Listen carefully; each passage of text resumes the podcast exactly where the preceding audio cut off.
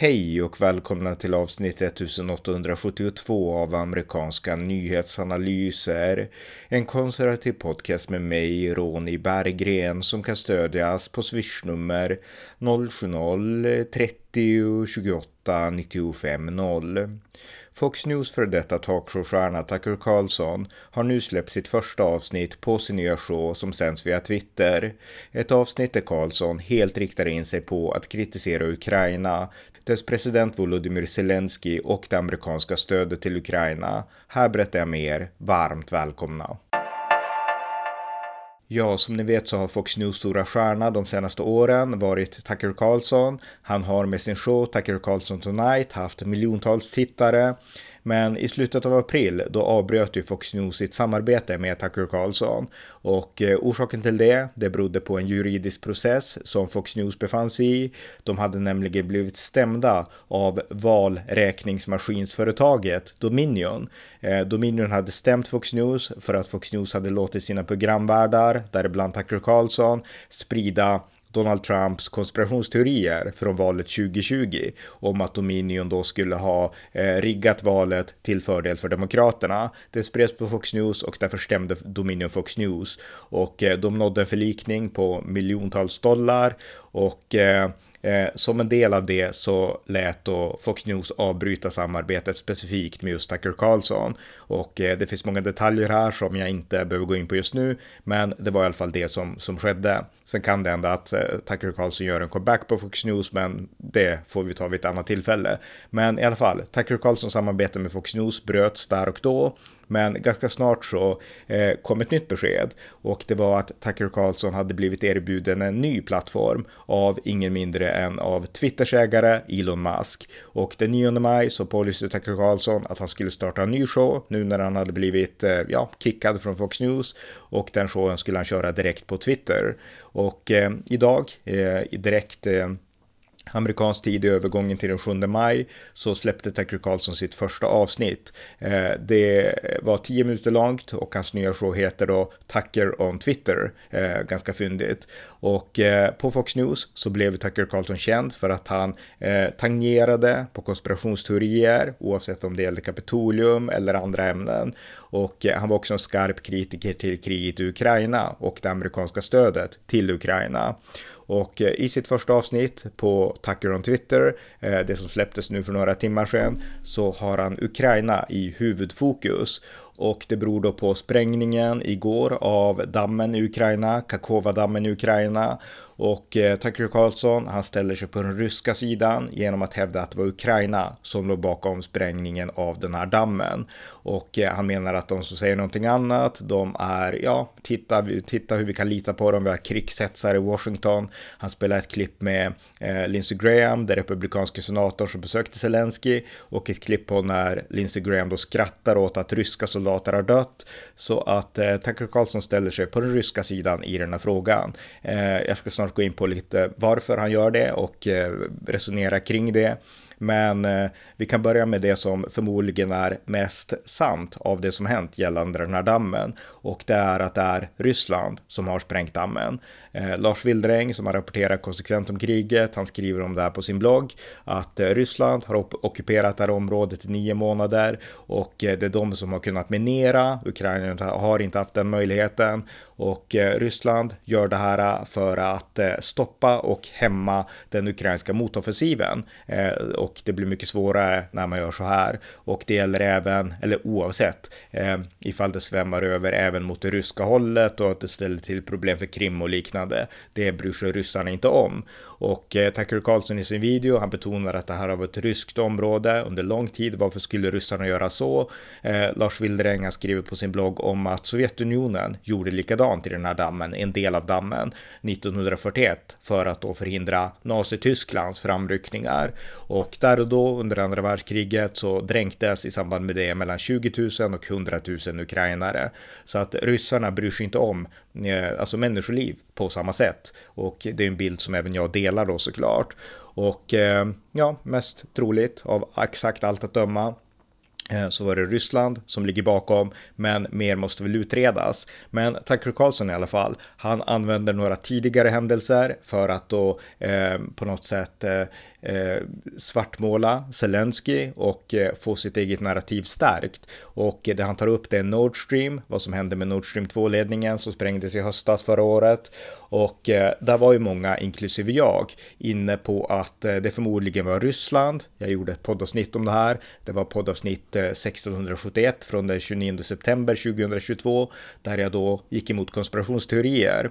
Och det konspirationsteori som spreds då, det var att det kanske är USA som ligger bakom. För minns ni inte att Biden sa strax innan kriget bröt ut att vi ska stoppa Nord Stream 2, minsann, vi ska göra det, sa Biden. Och eh, när sprängningen ägde rum så fick det här ju snabb spridning på sociala medier, Bidens klipp, och eh, jag förklarade att eh, ja, det var inte så och eh, att det finns en stor fara med den här konspirationsteorin, att USA skulle ligga bakom för det spelar Ryssland helt i händerna. Och eh, Eh, sen visade det sig då att eh, det var såklart inte USA, men inte heller Ryssland verkar det ha varit, utan det har nu kommit uppgifter. Det har droppat uppgifter om det här i flera veckor egentligen, några månader nu under vintern, men nu har det egentligen blivit glasklart, ganska tydligt att eh, USAs underrättelsetjänst fick uppgifter redan sommaren 2022 om att Ukrainas underrättelsetjänst hade planer på att spränga Nord Stream 2, eller om det var ett kanske i första hand, och att det fanns en avancerad plan om att göra det. Sen läckte den planen och det kan ha gjort att man gjorde om sina planer lite grann.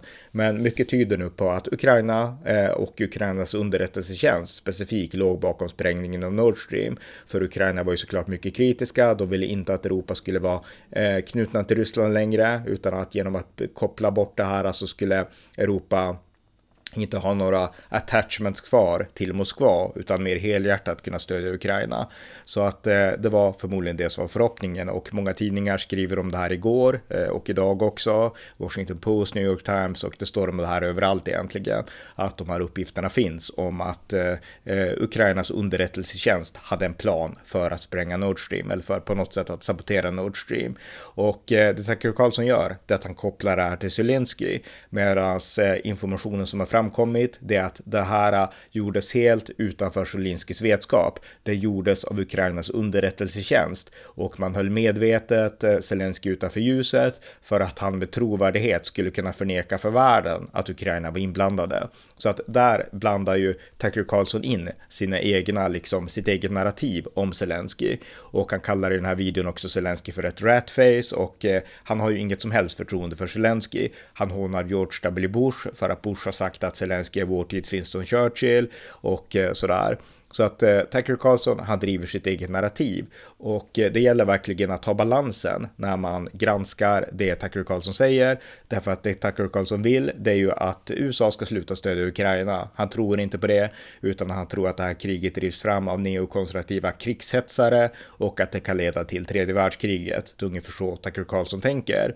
Och jag vill hävda att det är ett helt felaktigt sätt att framställa konflikten, utan där handlar det om en aggressiv ockupationsmakt, Ryssland, mot Ukraina. Sen finns det såklart, som vi har sett nu med Nord Stream och så vidare, en fog of war. Eh, men problemet med det, till exempel att vi kanske inte visste exakt vad som hände med Nord Stream, det är att eh, eh Tucker Carlson använder det för att stärka sitt eget narrativ. Jag menar, i krig, så används alltid olika taktiska manövrar, men det ändrar liksom inte att vi inte vet allt och vet sanningen om varje detalj. Det ändrar inte helhetsbilden. Och helhetsbilden är att eh, Europa har invaderats av ett imperialistiskt Ryssland eh, som eh, Putin haft drömmen om att återuppbygga det ryska imperiet, ett faktum. Och eh, han har kört fast nu i Ukraina tack vare västerländskt stöd. Och den helhetsbilden missar Tucker Carlson utan han tror på något sätt att den onda sidan, det är de här neokonservativa och de här som skapar krig i världen, den djupa staten och så vidare. Och eh, det är det som är hans syn. Där finns det stora felet. Medan den mer, eh, ja, den sanna synen skulle jag säga, det är att det stora felet här, det är imperialismen från Moskva, Putins imperialism. Och eh, det trollar Tucker Carlson bort och han använder då de här detaljerna för att på något sätt stärka sitt narrativ. Men det är inte ett ärligt sanningssökande skulle jag säga om det. Så att eh, det är Tucker Carlson i alla fall. Och eh, ja, jag kan ju tycka då att det är beklagligt att han ägnar så mycket tid i det här avsnittet åt att eh, eh dissa Ukraina. Men han tror så och han vill driva den här eh, tesen och eh, han har ju miljontals tittare.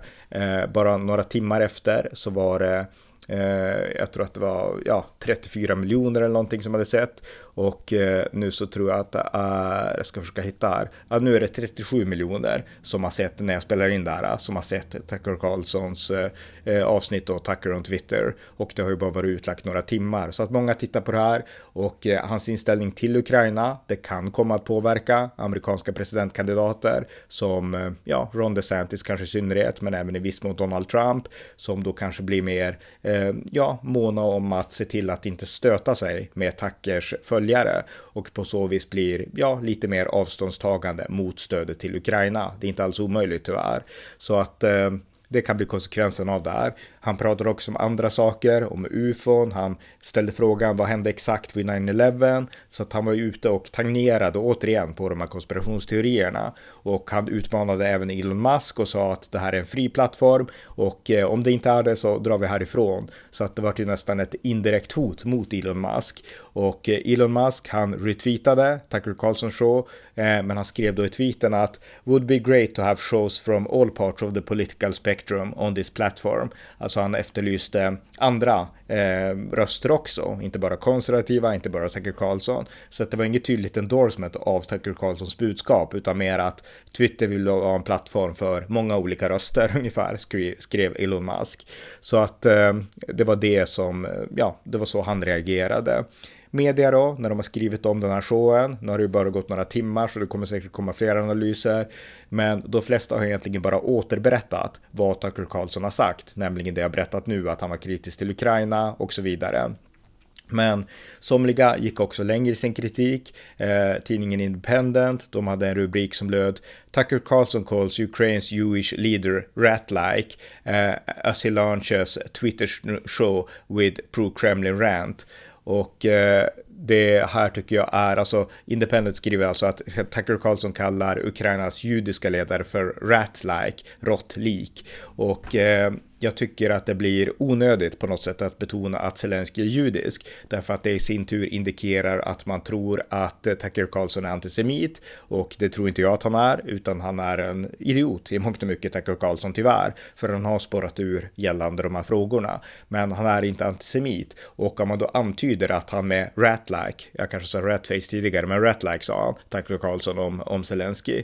Eh, om man då antyder att eh, eh Eh, att Tucker Carlson säger rat-like för att eh, Zelensky skulle vara jude. Jag menar, då går man för långt. Utan eh, Tucker Carlson säger så därför att han tycker att eh, Zelensky är en eh, ja, ljusskygg figur eh, som eh, förför världen. Men det beror inte på att Tucker Carlson anser att det beror på Zelenskis judendom. Så att här går ju Independent för långt. Och när man gör så här, då stärker man ju bara det här felaktiga narrativet som Tucker Carlson driver. Och det tycker jag inte är bra. Utan alltså problemet med Tucker Carlson, det är att han blandar det ena och det andra. Han blandar rysk propaganda mot Zelensky mot väst eh, med the fog of war, alltså okunskapen om detaljerna. Nord Stream är ett bra exempel. Och det blandar han också med konspirationsteorier för att stärka sitt eget narrativ. Och hans eget narrativ är ju också också en konspirationsteori. Alltså att det är den djupa staten i USA som ligger bakom det mesta onda i världen, neokons och så vidare.